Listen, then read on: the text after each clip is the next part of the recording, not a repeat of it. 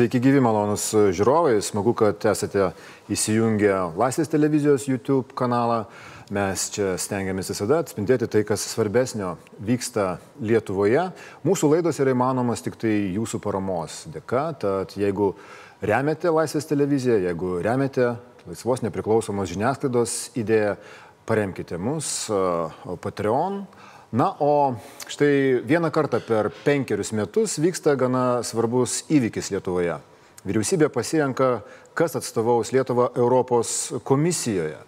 Ir štai šią savaitę vyriausybė kandidatu paskiria ekonomikos ir inovacijų ministrą Virginijų Sinkevičių, o mūsų studijoje šiandien ne tik kandidatas į Europos komisarus, bet ir Europos komisaras sveikatai ir maisto saugai, Vitenis Andriukaitis, sveiki gyvi ponė komisarė, sveiki gyvi ponė ministrė. Sveiki. Mes pavadinom laidą trumpai paprastai, ar jaunystė uh, įveiks, uh, nurungs, pranoks brandą. Pone Andriukaitį, jūs uh, Jums puikiai sekėsi prieš penkerius metus Europos parlamento komitetų klausimuose, gavote 9 iš 10 regis. Ir netgi buvo pažymėta, kad sažiningumas jūsų taip pat padarė įspūdį Europos parlamentarams, nes kalbėdamas jiems, būdamas patyręs politikas, prisipažinote, kad reikės dar jums daug ko mokytis tame Europos komisaro poste. Ką pasiūlytumėte, ką tartumėte štai kolegai ministrui Sinkevičiui, kai jam teks atsakinėti šitus klausimus? Visų pirma, aš labai džiaugiuosi, kad jau turime kandidatą ir linkiu pačiam didelės sėkmės. Linkiu, kad pats pralenktų mus visus tris iki šiol buvusius ir kad pačiam sektųsi. Iš ties, aš jau skaičiau šiek tiek paties komentarus apie tai, kad laukia sunkus išbandymas taip.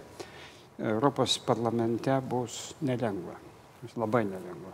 Žinoma, viskas priklausys, aišku, nuo to, ką deleguos jums paskirtoji komisijos naujoji pirmininkė, nes koks, kokia, kokia pozicija bus, nuo to priklausys, kokie komitetai Europos parlamente jūs egzaminuos. Mane egzaminavo trys komitetai, tai yra Žemės ūkio, yra aplinkos, sveikatos ir, ir, ir su maisto sauga ir taip pat mokslinio tyrimo, kadangi portfelis dengia labai plačias sritis.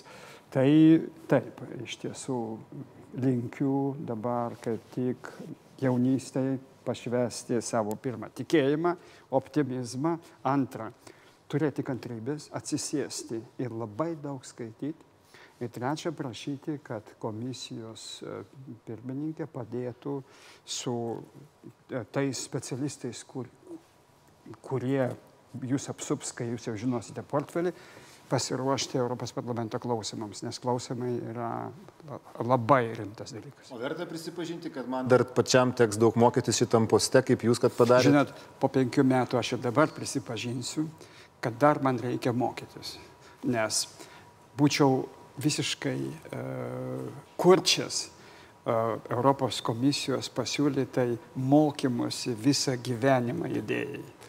Tai prisipažinkit ir drąsiai, ir dar sakykit, ir, ir, ir be to žinokit, kad Europos parlamente šiandien turime 60 virš procentų naujų parlamentarų, kurie pirmą kartą bus jiems irgi verta mokytis, taip kad viskas tvarkoja. Tada politologai prieš penkerius metus sakė, kad Andriukaitis geras kandidatas, geras politikas, bet jam trūksta vadybinės patirties. O kaip su ta vadybos patirtim reikia jos šitam Man poste? Man patinka politologų komentarai. E, nes, e, žinot, gyvenime man teko vadybai praleisti tiek daug laiko. Ką reiškia operuojantis kardiochirurgas? Žinote, kokia čia vadyba? 90 žmonių aplinkui, 4-5 valandos, tikslios komandos ir tiksli vadyba. Ir jeigu tu, eidamas prieš, prie, į operaciją, nežinai, kaip tavo visa komanda pasiruošus ir visose grandyse dirba, tavo ligonio gyvybė yra pavojai. Taip kad aš gerbiu politologus, aš pats irgi turiu istoriko įsilavinimą, bet toliau man teko vadybinė prasme užsiimti partijos vadybą, tūkstančiai žmonių. Seimo vadybą Seimo vicepirmininko ir aš džiaugiuosi, kad būnant vicepirmininku mes padarėme tokius darbus, kad sukūrėme Seimo europinį, Europos integracijos modelį. Taip pat ir apie Seimą barikados ir visa kita buvo padaryta mums vadovaujant. Taip pat ministro pozicijai. opozicijos lyderiu. Turėjot ką pasakyti, dabar pavyzdžiui, galiu- Europos parlamento nariams klausinėjantiems, ką jūs atsakytumėt, ponė Sinkevičiu, jeigu jūsų paklaustų Europos parlamento nariai apie jūsų vadybinę patirtį? Nu, tai pirmas dalykas, turbūt pastarėjai dviejai metai e, ministro pareigose. Tik dviejų. Na, kažkas tai politikoje praleidžia 30 metų ir niekada netampa ministru. Tai viską galima sumenkinti, jeigu toksai tikslas.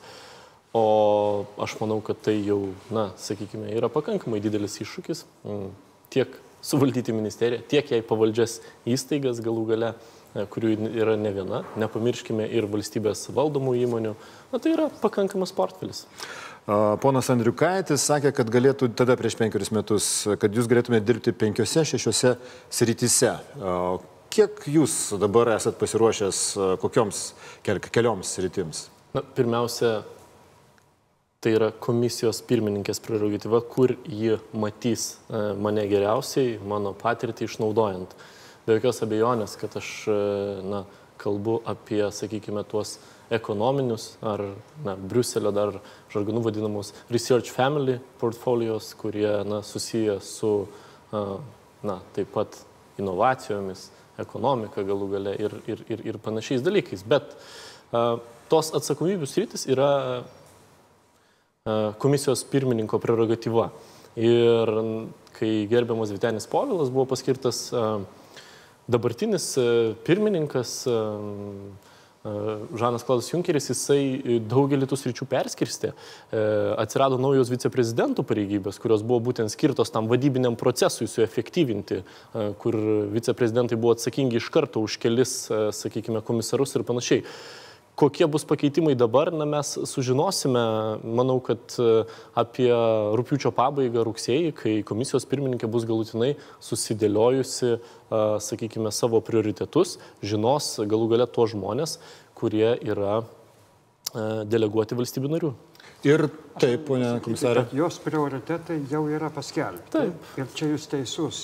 Jinai pagal juos dabar e, gilins savo žvilgsnius ir pažiūrės, kaip, kaip iš, išdėstis atsakomybės visų, visų e, komisarų. Žinoma, jūs žinot, kad jos pirmas pažadas yra pasiekti e, arba užtikrinti, užtikrinti lyčių lygių galimybių balansą. Kitaip sakant, komisarai šiuo atveju turės atstovauti beveik 50-50 procentų. Tai, Neprisidės, atrodo, prie to balanso, kadangi čia- moteris buvo kviečiamos e, ir prezidentas Regis gavo laišką, kad jo, Lietuva bet čia, bet čia moterį. matomai dar veikia ir kiti visi dalykai, bet vis tiek e, gerbiamas e, pretendentas, leiskit mane taip vadinti kol kas, e, teisus, sakydamas, kad portfelių perskirstimas, visi kiti dalykai lems, lems e, ir, ir, ir, ir tai, kokias rytys ir kaip ten reikės sutelkti savo vadybinę patirtį. Tai, kad e, būtų nepaskirtas nominuotas kandidatas, yra retas labai atvejis. Turbūt, e, nu, iš vis kiekvieną kartą per penkius metus gal vienas, keli tik tai tokie atvejai būna. Ir galim manyti, kad, e, na, iš esmės e, Lietuva jau padarė savo sprendimą. Bet jis buvo gana ilgas, toksai užkulisinis e, vyksmas e, vyko, kai kas netgi iš pačių dalyvių šitos, šitos konkurencijos, kasgi bus paskirtas, nominuotas į kandidatus, pavadino tai sostų karais. A, Jūs, ponė Sinkevičiau, irgi turbūt ne iš karto tapote lyderiu šitoj kovoje. Kaip ten viskas vyko? Aš manau, kad na, procesas buvo pakankamai normalus. Aš manau, kad e, e, prezidentės Dalios Grybauskaitės e, poelgis kaip tik buvo labai, na, sakykime, politiškai brandus ir kultūringas, neskirti, sakykime, komisaro išeinant, neforsuoti to, o palikti naujajam prezidentui. Tai viena iš priežasčių, kodėl užtruko, be jokios abejonės buvo performuojama vyriausybė, Bet aš, na, aš suprantu, kad visuomet norisi m, kažkaip dramatizuoti ir pridėti to chaoso tame. Tas ministrų, kurie sakė apie save, aš irgi turime... esu kandidatas į kandidatus. Tai kandidatų tikrai buvo daug, jų buvo daug daugiau, aš manau, nei, nei, nei buvo žinoma tų pavardžių ir aš manau, pačių kandidatų netgi interesas yra, kad na, tos pavardės nebūtų viešinamos, kam galbūt jiems reikia atsakinėti į tuos klausimus vienus ar kitus, kur na, jie dar tikrai nežino, nesijaučia, sakykime, tvirtai tvirtai dėl tos pozicijos, tai bet tų kandidatų aš manau, kad tikrai, tikrai buvo daug. Galų galės sprendimas priimamas vyriausybės pasitarimų kambaryje, dėl to tai kelia tam tikrą piliečių tai susidomėjimą. viešai ir... Šiaip kalbant apie skaidrumo problemas, aš aišku, čia vėlgi susilaikau nuo tam tikrų komentarų, nes esu... Mūsų laikais prieš penkerius metus irgi buvo kova. Zimantas Balčytis taip pat buvo, buvo, buvo kandidatas. Buvo kitokie. Visų pirma, Bet tvarkoj, čia aš negalėčiau dabar komentuoti, tik tiek manau, kad kadangi prezidentės, naujosios prezidentės pažadas yra pilnas skaidrumas, tai jį net ir komisijos sudėties formavime turėtų to laikytis. E, jūs truputį neteisus, kad dėl dalios grybauskaitės jie nieko negalėjo padaryti. Kodėl? Nes nebuvo aišku, kas bus nominuotas e, pirmininkas. Žinai, špicen kandidatų procedūra sugriuvo ir po to tik tai, kaip sakai, buvo jau pasibaigęs. Šiaip aš nemanau, kad Lietuva vėluoja, aš čia pritariu, čia, čia visiškai bereikalo tas triukšmas yra, bet kad Lietuva turėjo padaryti savo namų darbus pagal skaidrumo procedūras, tai taip. Ir kad e, jūsų išvykimas susitikimas turi būti skaidrus, ne kažkoks e, privatus, tai irgi taip. Nes čia... Jis buvo paskelbtas čia, viešai, jis buvo paskelbtas viešai. Aš, aš šio požiūriu, kaip sakat, truputį susilaikau nuo gilesnių komentarų. Matyt, vyriausybė jau buvo padariusi sprendimą tada, kai jūs buvot, sakant, išsiustas susitikti. Vyriausybė padarė sprendimą vakar su tai, matot, prezidente nauja. O jūs buvo truputį anksčiau, tai žodžiu, nu, bet čia, čia, kaip sakyt, Lietuvos reikalas. Truputį. Turbūt, aš nežinau, kaip visose kitose šalise irgi galbūt panašus sostų karai vyksta. Kiekviena šalis turi savo procedūras. Lietuvoje procedūros yra pakankamai unikalios, kalbant apie tai, kad na, turi sutarti tiek prezidentas, teikti vyriausybė ir galų gale balsuoti Seimas, einant per Europos reikalų komitetą. Tai e, Lietuvoje tikrai tos procedūros yra pakankamai unikalios. Kitos valstybės turi kitokias procedūros, bet visos procedūros šalės naris lygiai taip pat Europos komisijoje, Briuselėje yra gerbiamos ir jų procedūros yra gerbiamos. Taip, Lietuva nėra unikali. Lietuvos šis modelis buvo padarytas labai laiku 2000 trečiais, ketvirtais metais mes sekėme Suomijos, aš esu vienas iš to modelio rengėjų.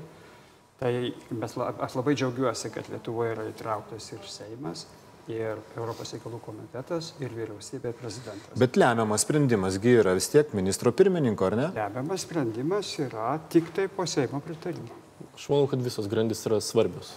Čia, čia niekas negali pasakyti, kas lemia. Jeigu Seimas nepritars, premjeras. Tai galima manyti, kad e, Valstiečių žalių sąjungos frakcijos nuomonė balsuojant už jūs, ponė Sinkevičių, buvo lemiama šiuo atveju. Jūs ne, nominuojate. Nuomonė labai svarbi. Jeigu prezidentas būtų nepritaręs, tai procedūros sustoja. Nu, jeigu mes girdėjom, kad ministras pirmininkas labai jeigu, abejojo, jeigu kai, kai frakcija paskelbė jūs kandidatu. Nepritaręs, vėlgi procedūros būtų sustojusios. Kiekviena grandis yra svarbi ir kiekvieną grandį, kaip ir visą šią procedūrą, reikia gerbti. O, štai mes, kai, buvo, kai nominavo Lietuva Vitenė Andriukaitį, buvo aišku, kad tai yra kairių pažiūrų. O politikas, jau ilgai politikoje, socialdemokratas, nors komisija buvo vadovaujama dešiniųjų, bet žinoma, komisija visada būna toksai e, margas rinkinys įvairiausių krypčių politikų. Ką šiemet e, deleguoja Lietuva? Kairį, dešinį ar, ar centristą? Lietuvos valstiečių žaliųjų sąjunga labai aiškiai pasisako, kad tai yra na, centro kairės politinė jėga. Bet e, Europoje atrodote kitaip. Turėsime sunkiai ir daug dirbti, įrodant uh, savo pažiūras, bet žinoma, mes esame daug mažiau žinomi. Socialdemokratai yra tradicinė, sakykime, ta politinė jėga, turinti didelę galų galę struktūrą ir, ir, ir, ir, ir visoje Europoje, lygiai taip pat kaip ir Tevinės sąjungo krikščionys demokratai, kurie yra Europos liaudės partijos, sakykime, skėtinės partijos dalis. Tai Lietuvos valstiečių žaliųjų sąjunga šiuo metu nėra, sakykime, žaliųjų, Europos žaliųjų partijos dalimi, bet aš manau, kad strategiškai žiūrint į ateitį tikrai turėtų, turėtų tokia tapti. Aš šiuo atveju galiu tik tiek pasakyti. Visos komisijos susidaro politinės. Mūsų komisijoje yra ir Europos e, liaudės partijos komisarą, jie sudaro daugumą. Antra didžiausia grupė Dešinėje. esame socialistai. E, toliau yra liberalai. Ir taip pat vienas buvo konservatorių. Kaip žinote, dar tuo metu konservatoriai iki e, referendumo dar priklausė pozicijai bendrai. Ir, ir tuomet nuo 14 metų iki 16 vidurio tai buvo tarp keturių politinių grupių par, Europos parlamente ir Europos komisijoje labai geras sutarimas dar dirbant, išsaugant kiekvienos politinės partijos prioritetus. Ir aš kaip e, socialdemokratų atstovas labai daug dirbau, dirbu iki šiol su Europos parlamento socialistų ir progresyviųjų partija, su grupe. Ir mes formuojame savo pozicijos koledžą e, kolegialiai. Pateikdami alternatyvas, e, išdiskutuodami, kaip žinote, pirmasis vicepirmininkas Fransas Timmermansas yra mano, mano bičiulis. Ir, ir mes dėstum taip pat ir, ir šiandien ir kita, kita, kita e, komisija, ko gero, susidurs su šitą problemą. Kas yra dabar blogai, tai kad šiandien Europos parlamente nėra sutarimo tarp pagrindinių keturių, penkių politinių srovių. Pirmininkė išrinkta? Taip, bet ji išrinkta, kaip žinote, daugiau ar mažiau beveik individualiai balsuojant. Už tai jos programai labai daug yra pažadų, kurie yra adresuoti skirtingoms politinėms grupėms.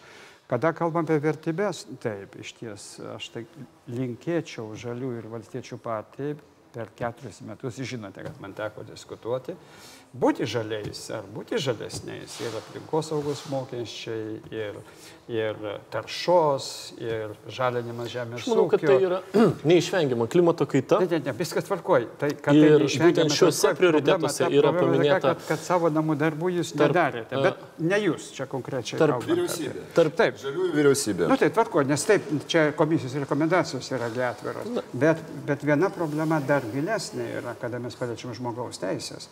Bet ten iš ties e, jūsų frakcijos laikysinos ir dėl reprodukcijos įstatymo, ir dėl dirbtinio apvaisinimo, ir dėl kitų dalykų, UA nieko bendro su žaliaisiais. Bet jie frakcijoje irgi yra įvairių nuomonių. O jūsų, ponė ministrė, nuomonė, štai kai vyriausybė balsavo dėl uh, atsisakymo anglės išmetimo iki 2050 metų. Jūs kaip ekonomikos, inovacijų ministras perspėjo, kad tokia pertvarka gali paveikti pramoninius miestus, Jonavą, Akmenę, Mažiekius ir Kaip suprantu, jūsų dėka buvo įrašyta tam tikra išlyga dėl pramonės indėlio į ekonomiką, kad Lietuvoje turi būti kitaip įsvertinamas tas indėlis ir tas žalumas ekonomikos, ar ne, negu kitur Europoje. Ar jūs pats esate tikrai žaliųjų pažiūrų? Pradėkim nuo to, kad uh, tas, sakykime, šūkis, kuris buvo kažkada tai labai populiarus one size fits all, dabar tikrai neveikia. Ir e, Europos netgi komisija išeina su tikrai, sakykime, to požiūriu, kad kiekvienoje šalyje gali būti skirtinga situacija. Jeigu mes kalbame konkrečiai apie žalumą, ir apie pramonę, tai be jokios abejonės, kad kiekvienos šalies pramonė susidurs su skirtingais iššūkiais ir norint įgyvendinti ambicingus planus, um, ypatingai klimato kaitos mažinimo programoje, Paryžiaus susitarimus, kur Europoje nėra lyderių praktiškai, kurie, sakykime, abejotų tuo, kurie abejotų klimato kaita, todėl mes čia turime prioritetą judėti į priekį, tačiau mes na, negalime to daryti per prievartą, turi būti pagalba iš Europos komisijos pramoniai, galų gale tam pačiam transportui šalių, tiem patiem žemės ūkio sektoriui Nes ne, Tos šalis viena po kitos įsipareigoja klimato- mažinti iki nulio tą anglės išmetimą. Lietuva Lietuvoje pat. jis auga šiuo metu. Šiuo metu nemažėja, o auga nors įsipareigojimas Lietuva- yra sumažinti. Gerai, bet pasižiūrėkime kitus dalykus. Lietuva yra absoliuti lyderė atsinaujinančioje energetikoje, kur sėkmingai įgyvendina a, projektus ir, sakykime, tuos nustatytus kriterijus viršyje. Tai jeigu mums nesiseka, sakykime, su a, dvideginio išmetimu šiuo atveju, tai be jokios abejonės tuomet e, turime taikyti vienus ar kitus mechanizmus, e, kurie lygiai taip pat e, daugeliu atveju, kaip ir sakiau, komisijos tai bus vieni iš prioritetų. Bet kiekviena šalis narė turi, na, sakykime, savo, savo unikalią istoriją. Lietuvoje pramonė sudaro 20,2 procento. Tai reiškia, turime pakankamai stiprią e, nuo BVP. Tai turime, reiškia, pakankamai stiprią pramonę, kuriai tikrai reikės pagalbos prisitaikant e, prie e, ir mažinant e, išmetimą. Komisarė, jūs paminėjote mokesčius, žiūrėkit- taršos mokesčius, aplinkos mokesčius ir ar tai yra irgi e, žaliosios politikos skiriamasis bruožas? Ar galima manyti, kad valstiečių žalių vyriausybė, kadangi tų mokesčių nėra, tai nėra iš tikrųjų žaliųjų? Taip, iš tikrųjų, man dabar būtų gera jaustis, žinot, teisiamą dar kad nors. Čia labai palinkėčiau dar kartą gerbiam Sinkevičiui visokio pasiekmės įsiklausyti į tą kritiką, nes jūs tos kritikos sulauksite Europos parlamente akivaizdžiai ir būkite pasiruošęs. O kita vertus, žinote, šitai programai yra daug ambicingesni tikslai iškelti, daug ambicingesni ir tų tikslų vykdytojai yra šalis narės. Taip. Dabar, jeigu dabar paskaityti programą šitą įsipareigojimą padidinti, e, sumažinti taršą ir Iki 55. 55 procentų, įsivaizduojat, ką tai reiškia? Dabar žiūrėkit, jūs paminėjot one side fit all. Netiesa, nėra tokio šūkio, niekad nebuvo. Kaip tik tas šūkis ir būdavo naudojamas, kad tai netinka. Tas šūkis taip ir komentuojamas, tai negali būti. Ir teisingai jūs turite drąsiai pasakyti, taip yra tai vadinamas just transition arba uh, sažiningas pereinamasis laikotarpis. Ir Lietuvai ko trūko ir ko neužteko šitai vyriausybei, tai diskutuoti ne dėl to, kad ginti, kad žinot mūsų pramonę, bet sakyti taip. Mes galim judėti tą pusę, tačiau mums reikalingas žymiai didesnis paramos instrumentų kiekis, kad užtikrinti buvo. sąžiningą. Ne, ne. Toks ir buvo mano pasisakymas Bet- vyriausybėje. tvarkoj, Jeigu bet, bet, bet, bet, dėja, jūsų vyriausybės pozicijos tokios Briuselį nebuvo. Ne, kodėl? Mes priėmėme... Bet, nu, ta- Žinot, aš keturis metus dirbau tiesiogiai su tarybomis. Gerbiamas mano, Vyteni, mes- mano žemės ūkio žalinimas yra mano portfelio dalis. Bet tik to, Tai- šiandien tai- apie tai. Žalio e, žemės ūkis yra, sakykime, atskira dabar tema, bet kalbant apie 50 metų prioritetą, jis vyriausybei buvo priimtas. Ir būtent su uh, tokia citata, kad kalbant apie paramos mechanizmus, šiuo atveju mūsų pramoniai, kurie labai smarkiai atsilieka. Nors, jeigu pasižiūrėti, per pastaruosius 10 metų ta pati, sakykime, Chema investavo didžiulės uh, sumas investicijų mažinti CO2 išmetimą. Sunkiausia yra toms, sakykime, mažesniems įmonėms. Ir lygiai taip pat, kalbant apie e, transporto apmokestinimą, mums tikrai reikės rasti uh, modelį. Kuris Aišku, ar- šiai dar vyriausybė reikės to modelio Kuris, ieškoti, nes jau Galų gale, tai vis dėlto mes kalbam apie valstybinius klausimus ir aš manau, kad jie, jie bus aktualūs nuolat. Taip, mes dar kalbam apie ES tai- situaciją. Taip, Tikrai, tikrai, e, mielas Gaučiau, jūs pasiruoškite Europos parlamento klausimams ir aš, aš jeigu reikės mano paramos, aš visą laiką padėsiu. Ačiū. Ir dabar galiu duoti pažadą, kaip e, ir konsultacijom, bet suprantama, labai sunku apginti neapginamus dalykus. Čia ne jūsų kaltė, čia premjero, kabineto, Seimo daugumos. Jūs esat jaunas, kaip sakyti, ir, ir aš žinau, kad jūs esat pažangesnis už daugelį jūsų frakcijos narių, čia tas tiesa. Bet, bet, bet, e, kaip sakyti, dabar eikime į priekį, nes, nes tie klausimai tikrai bus, kadangi šitas, šitas gairis yra kur kas ambicingesnis Taip, aš jas esu perskaitęs kelis šiol. Ir kartus. Jums būtent tos komandos narių, atminkit, jūs turėsit atsiriboti nuo bet kokios vyriausybės ir nuo Lietuvos vyriausybės taip pat, nes jūs turėsit duoti rašytinį pažadą, kad jūs išliksite neutralus ir neįtakojamas.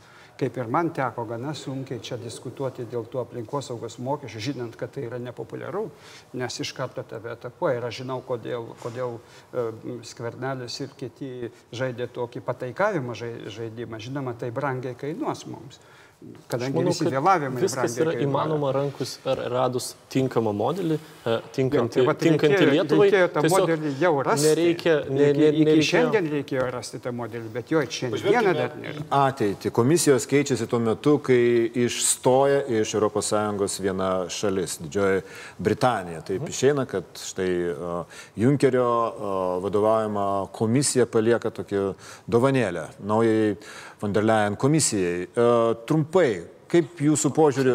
Junkerio komisija nepalieka jokios dovanos. Atsiprašau, gal čia aš nesireiškiu netinkamai, bet tuo metu tai įvyko. Britanijos vyriausybė. Taip, tuo metu tai įvyko dovanėlį. tas referendumas būtent tuo metu. Ir dabar trumpai jūsų abiejų požiūrių, kokios pamokos Brexito yra? Tai kol kas jis yra. Tiesą pasakius, jeigu galima, bet... tai pasakysiu tik tiek. Mes esam be galo dabar, kaip sakyti, e, karštame etape. Mes ruošiamės pačiam tokiam sunkiausiam scenarijui. Komisija nepaliks ES be sprendimo. Nepaliks. Mes padarysim viską, kad nauja komisija, jeigu bus, taip sakomas, tas išėjimas be sutarties, naudėl, kad nauja komisija iš karto būtų apginkluota veiksmais. Nes ekonominės pasiekmes Britanijai bus sunkios. Ypač bus sudėtinga Airijai. Ir, ir, ir ypač bus sudėtinga Belgijai, Olandijai, Prancūzijai, nes čia viskas labai arti. Ir dar reikia žinoti, kad Britanijos įnašas į Europos biudžetą yra kasmet apie 9 milijardai eurų įnašo. Tai kitaip sakant, daugiametė kitoje perspektyvoje atsiveria 45-50 milijardų eurų skilė. Ko, me, ko, ko taip moko? Ko, ko pamoko šitas visas procesas? Nežinau, Briuselį ko visą tai, pirma. Žinot, žinot, ko moko. Aš, jūs turbūt e, gal sekėte mano debatus ir su Jeremy Huntu, ir su, ir mano čia dabar reakcija ir atsakymą e, naujajam premjerui Borisui Johnsonui, kai jisai ėmė viešai melavo apie ES maisto saugos standartus savo konservatorių konferencijoje. Ir jūs žinot, kad tas mano, kaip sakyti, atsakymas ir pareiškimas susilaukė didžiulio palaikymo visoje ES. Negalima taip elgtis. Jie kaltina, jie melų, meluodami kaltina komisiją to, ko komisija visiškai nieko dėtų. Ir tai, kad dabar pamokos yra, pamokos bus labai sunkios mums visiems. Populizmas, nacionalizmas, egoizmas ir, ir kaip sakyti, ir, ir noras bet kokią kainą gelbėti savo politinės klaidas kitų sąskaitą. Štai tos bus pamokos. Hmm. Tai čia Britams daugiausiai pamokos. Ir, Jūsų... ir, ir Europos Sąjungoje taip pat pakankamai yra daug jėgų, kurios žaidžia panašų žaidimą kaip, kaip Borisas Johnsonas. Ministrės ir... Sinkevičių, jūsų požiūriu, ko pamokė Brexitas? Na, pirmiausia, pamokos, aišku, bus išmoktos turbūt e, po to, bet na, esminis turbūt dalykas vis dėlto yra tas, na, sakykime, tos nepamatuotos rizikos, nes visi pamiršta, dabar mes matome rezultatą jau Borisą Johnsoną, bet uh, tų rizikų, sakykime, ėmėsi buvęs premjeras Davidas Cameronas, kuris pasiūlė tiesiog referendumą. Į referendumą ką tik atlaikęs labai nelengvą referendumą, tuo metu buvo Škotijos referendumas, kuris taip pat, e, na, sakykime, buvo ant ribos. Ir čia na, akivaizdu, kad buvo, sakykime, neįvertinta mm, e, tų būtent e, kampanijos stiprumas ir, na, dabar turime rezultatą. Tai būtent tas nuokrypis į populizmą, ksenofobija, kuri tuo metu buvo, man pačiam teko kaip ministrui lankytis, su, susitikti su uh, Didžiojo Britanijoje gyvenančiais lietuviais, studentais galų gale, jie jautėsi labai prastai, jie jautėsi įžeisti, uh, kaip, na, Europos Sąjungoje mes visi esame Europos Sąjungos piliečiai. Kai jūs buvote studentas ir... Didžiojo Britanijoje, taip nebuvo? Ne, tuo metu tikrai tokių nuotaikų nebuvo. Velsas turi savo specifiškumą, aišku, jie labiau kalba apie, apie, apie savo priklausimą Didžiai Britanijai kaip tokiai, nes jie na, save laiko vilsiečiais, tai buvo gal to daugiau. Bet tai buvo tokios, sakykime, mm, lengvos kalbos. Žvelgi, pažvelkime į priekį, į ateitį, na bent jau penkerių metų ateitį. Kas laukia Europos, Lietuvos, Europos Sąjungoje ir galbūt paklausčiau taip, ko trūksta, kad Europos Sąjunga būtų efektyvesnė? Tai, na, pradėkime nuo iššūkių. Tai iššūkiai yra tikrai ne tik ES, bet ir globalūs. Uh, 193 šalis jungtinėje, jungtinėse tautose pasirašė Sustainable Development e, būtent tos goals. Ir e, jų yra per 17. Taip, e, lietuviškai taip. Tai jų yra per 17. Tai yra tikrai atspirties taškas visoms, sakykime, toms globalioms problemams. Tai yra ir klimato kaita, tai yra ir skaitmenizacija, ta technologinė, sakykime, judėjimas, kuris yra, na, antiek spartus, kad jis jau dabar uh, kūrė socialinę atskirtį. Jis išstojo iš Paryžiaus klimato susitarimo. Tai niekas nesako, kad tai buvo pats protingiausias e, sprendimas. Ir, e, ir, ir, ir, ir mes matome rezultatus, mes matome dabar Grenlandijos ledino, ledino tirpimą ir tose pačiose, toje pačioje, sakykime, kalboje, kurią čia Vitenis gerbiamas laiko, ten lygiai taip pat yra daug ambicingesni planai. Kodėl? Na, todėl, kad komisijos pirmininkė išsakė poziciją, kad bet, laiko jau uh, nėra. Bet juk po penkerių daugelis... metų, būkim tie, tiesiai ties šviesiai kalbėkim, ir po penkerių metų Lietuvoje deginsim iškastinį kūrą gamtinės dujas, kurias galbūt net ir iš Amerikos plukdysimės, tos pačios, kuri nesilaiko klimato ne, kaitos susitarimo. Juk taip bus. Nebūkime tokie tuo tikri. E, nes aš manau, kad šios komisijos bent jau kol kas pasiryžimas klimato kaitos klausimų yra labai stiprus. Jūs balsuotumėte už niekas, tai, kad... Niekas negali, sakykime, mes matome dabar jaunimo protestus, tas vadinamasis judėjimas, penktadieninis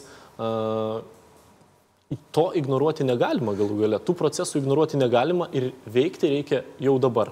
Ir... Jūs balsuotumėte už tai, kad, tarkim, būtų koks nors euro, paneuropinis draudimas iškastiniam kūrui? Mes privalėsime palaipsniui mažinti, tai yra neišvengiama, ką ir minėjo Vitenis Povilas, 30 metų a, a, tikslai, dabar norima, a, pirmininkė iškėlė dar ambicingesnį tikslą mažinti a, iki 50, 30, taip, 30, bet iki 55 procentų a, a, a, CO2 išmetimą. Tai yra labai ambicingas planas. 50 metais kalbama apie 100 procentų. Suomija, kuri dabar pirmininkauja Europos Sąjungai, jie taip pat kelia savo daug ambicingesnius tikslus ir klimato kaita yra numeris vienas e, jų prioritetų. O tai jūsų požiūrį, tai komisarė? Iš, iš tiesų, kas yra svarbu?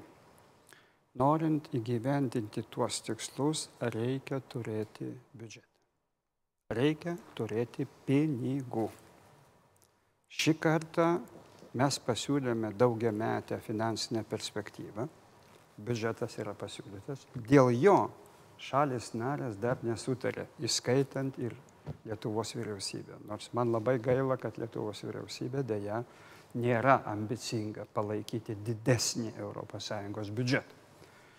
Ne, nekaltinu jūsų, vėlgi čia yra Šapokos ir, ir, ir premjero atsakomybė. Bet dėja taip yra, yra keista žiūrėti. Nes kai tu neturi pinigų, tai nekalbėk apie jokius ambicingus tikslus. Mm, naujai pirmininkiai teks vienas iššūkis, jeigu tai bus naudėl ir minus Britanijos, minus pinigai, plus dar nesimokėti pinigai iki 20 metų, tai tada kuo dengsim tuos ambicingus tikslus, nes juos reikia dengti finansiniais ištekliais. Štai čia yra didžiulė problema, su kuria susidursim mes dar iki lapkričio pirmos ir kuri bus ir kitai komisijai. Aš, aš sutinku, jeigu kalbėt jau apie breksitą, tai čia yra kiekviename portfelėje ir apskritai. Tai yra jeigu kalbėt apie, sakykime, challenges, tai yra tuos iššūkius, tai yra numeris vienas iššūkis kiekviename portfelė neišvengiamai. Ir ne tik e, kalbant apie, sakykime, tą e, biudžeto skylę, e, kurią tai išmuš, tai, tai na, sutrikdys daugelį. Tai bus didelė problema smulkioms įmonėms Jei, galų gale. Bet, bet jūs esate inovacijų ministras. Inovacijų politika. Inovacijoms reikia ko? Inovatyvių ES biudžetų. E, biudžetas, horizonto biudžetas yra... yra investicija. Tai dabar horizonto biudžetas yra numatomas e, 100 milijardų, kuris yra tikrai didžiulis. Mielas aš jums galėčiau detaliau papasakoti apie tą biudžetą, nes man teko jį formuoti. Mums teko jį formuoti. Jūs, de, bet pasiklausykime, mes norėjom pasiūlyti dar didesnį. Bet bendras skaičius, kurį pasiūlėm, kad būtų 1, minimum 3, dabar mes turim 1,141 šitos daugiametės finansinės perspektyvos, įskaitant ir, ir inovacinius biudžetus, įskaitant. 1,3 ir nepavyko įtikinti visų 27 šalių narių, kad jos padidintų savo įnašus, ypač tos, kurios yra donorius. Jūs kaip tik dabar turite tą problemą, nes gali net sumažėti. Tai kai jūs mažin, žinot, kad jūsų investiciniai instrumentai mažėja, tai žinot, kokia čia yra, koks galvos skausmas kiekvienam praktiškai ir realiai mąstančiam. Ir vis dėlto, jei po penkių metų perspektyvos, tai būtų ne pasiteisinimas neveiklumui. Tai e, grįžtant prie to paties inovacijų biudžeto, e, sakykime, jis yra numatomas e, per 100 milijardų eurų, bet egzistuoja kita problema, kalbant apie Brexitą. Dabar yra pradėta daugybė, e, sakykime, tų pačių e, projektų kartu su Didžiojo Britanija. Daugelis tų vadinamų centrų, pačių moderniausių, yra būtent Didžiojoje Britanijoje. E, universitetai, jie pritraukia, e, Britanijos universitetai pritraukia gabiausius, vienus gabiausių studentų. Tai, sakykime, tą mm, science diplomasi, mums tikrai apie ją, tą mokslinę diplomatiją, mums tikrai apie ją reikės e, pagalvoti iš naujo. Tai tų iššūkių kiekvienoje srityje tikrai bus daug, be jokios abejonės. E, gerbiamas e, Eurokomisaras yra teisus, finansinis iššūkis bus didžiausias, Kaip kuris gali labai jūs smarkiai. Dabar, ponė riboti. komisarė, matytumėt situaciją po penkerių metų ES pasaulio kontekste. Kokioje jinai vietoje? Junktinės Amerikos, Kinija, Indija. Visų pirma, aš noriu dabar pasakyti labai aiškiai. Yra trys sostinės, kurios nesuinteresuotos ES stiprėjimu. Trys šiandien sostinės, kitaip sakant, trys šiandieninės tų valstybių administracijos. Tai yra Trumpo administracija, tai yra prezidento Kšy administracija Pekine ir Putino administracija Maskvoje. Jos turi skirtingus tikslus, bet vienaip ar kitaip, nei viena iš jų nenori, kad ES būtų stiprus globalus žaidėjas. Ir aišku, labai daug priklausys nuo rinkimų Junktinėse valstijose. Labai Po metų. Taip, nes žiūrėkite, kas dabar darosi finansų rinkose dėl, e, dėl Kinijos ir Junktinio valstybių karo. Sekat, kokia yra, kaip sakyti, kokia yra negatyvi reakcija. Mes nebeturim laiko toli, toliau Bet, plėstis. bet tai, tai, tai įtakoja mus. Tai įtakoja viską čia. Ir aišku, pasakyti, kokia perspektyva į priekį. Dabar kaip tik, kaip niekad labai svarbu pasakyti, kad šiandien visų 27 šalių, kaip sakyti, azartiškas tikslas būti kartu ir, už, ir sustiprinti vieningą rinką, ir sustiprinti investicinius mechanizmus, ir užtikrinti socialinį teisingumą, ir iš tiesų pasiekti, kad regionuose būtų daugiau dėmesio teisingumui, nes žmonės balsuoja už radikalus todėl, kad jie jaučiasi įžeisti, nuskurdinti ir pažeminti. Čia yra problema. Briuselio nuskriausti. Nu, ne, ne, aš nekalbu apie Briuselį, aš, aš Na esu taip, bet lietuvis. jiems tai pasakoma. Ne, aš, bet jiems pasakoma, bet kai žiūriu į Briuselį, aš nematau to Briuselio, aš matau Čekę, Lenkę, e, Lietuvį, e, Estą, Latvį, Olandą. Mes sudarom komisiją, tos šalis. Čia, čia Briuselio mitas yra sukurtas e, tų radikalų, kurie visus Bet gazdina. pažiūrėsim, pavyzdžiui, kaip Lietuvoje po, po metų irgi Seimo rinkimų kontekste, kokie bus keliami šūkiai, ar, ar mums reikia stipresnės, federalesnės ES ar ne. Nenaudokit žodžio federalesnė, todėl kad jis labai klaidina. Federatyvinė Respublika Vokietija yra vienoks konstitucinis darinys. Europos Sąjungos supranacionalinės teisės kontekste užtvirtinti, įtvirtinti in- mechanizmai. Muitų sąjunga, vieninga rinka, vieninga skaitmeninė rinka, Kaip vieninga jūs tą klimato vieningumą politika. pavadintumėte ES? Tai to reikia dabar kaip niekad. Mums Tiesiog dabar kaip- vieningesnė Kaip Europos niekad Sąjunga, reikia vieningesnės Europos. Galbūt. Mes turime tokį įdomų dalyką, kad e, kas ketveris metus kartu su Amerikos prezidento rinkimais vyksta Lietuvos Seimo rinkimai. Dabar paskutinis klausimas būtent jau apie juos. E, Virginijus Sinkevičius, ko gero, išvyksta į Briuselį, paliks Valstiečių žaliųjų sąjungą čia kovoti toliau. Kol kas trečioje vietoje, kaip tik e, šios dienos duomenimis, yra valdančioji Valstiečių žaliųjų sąjunga. Socialdemokratų partija aplenkė ją, iškopė į antrąją vietą pagal, e, pagal reitingus. Kaip Jūs prognozuotumėte dabar artimiausią vat, politinę ateitį Lietuvoje? Pone Sinkevičiu. Aš manau, kad jeigu vyriausybė ir Lietuvos valstiečių žaliųjų sąjunga įgyvendins tuos numatytus tikslus, žmonės turės galimybę tą įvertinti. Bet mes matėme 16 metais, žmonės e, balsuoja, pasirenka ne, nebūtinai tuos, kurie daro darbus, nes na, šiuo metu Lietuvos socialdemokratų partija negali pasigirti kažkokiais darbais, kuriais galėjo pasigirti tuomet, kai turėjo vyriausybę, buvo ją suformavę. Jis suskilo. Bet tas reitingas, jisai, e, sakykime, kyla šiaip ar taip į viršų. Žmonės balsuoja už tuos, kuriais pasitikė. Todėl e, labai svarbu išlaikyti tą veidą, kuriuo galėtų pasitikėti. Tai O jūsų ir veido nebebus tuose rinkimuose. a, partinių lygmenių ir galų gale individualių kiekvienoje vienmandatėje. Už tuos žmonės ir balsuos. O kas kalbant apie ES ir tuos rinkimus, tai aš labai džiaugiuosi, kad Lietuva yra ta tikrai a, labai a, Europos sėkmės istorija, kur žmonės vertina ir pasitikė galų gale ES aukščiausiai iš ES šalių ir galų gale ir euro optimizmas e, Lietuvoje yra vienas aukščiausių iš ES valstybių. Pone Andriukaitį, kaip Jūs žvelgiate į susiskaldžiusius socdemų, į dvi partijas dabar ateitį? Atskilusių socdemų nuo... Vieni pozicija, kiti opozicija. Susiskaldžiusių socdemų nėra. Aha. O kur yra oportu- Butkevičius, yra yra... oportunistai. E, Yra prisitaikėliai, kurių buvo, yra ir bus. Yra prisitaikėlių, kurie šiandien vadinasi valstiečiais.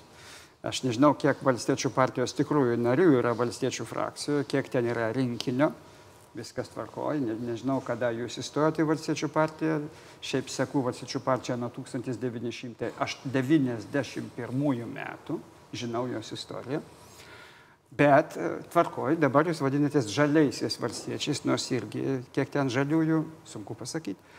Tačiau socialdemokratai sugrįž labai stipriai, šitą aš jums pažadu. Pažadu. Grįžtu socialdemokratai. Ir grįšime ir būsim progresyvės jėgas, nes Lietuva, Lietuva žmonės tiki Europos Sąjungą. Ir mums reikia išsikapstyti iš tos dobės, kad mes visą laiką kol kas esame antrai, treti nuo galo Europos Sąjungoje.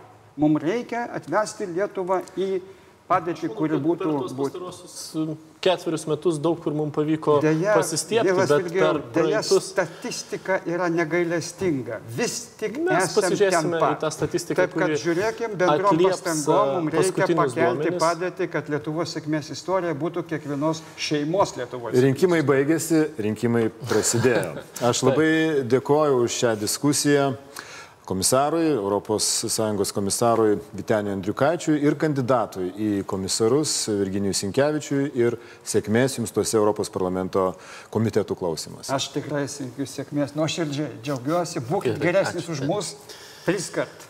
Labai reiks daug jėgų Dėkui.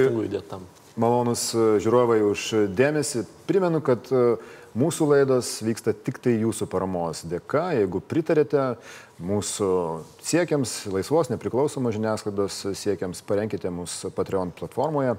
Dėkui uždėmesį.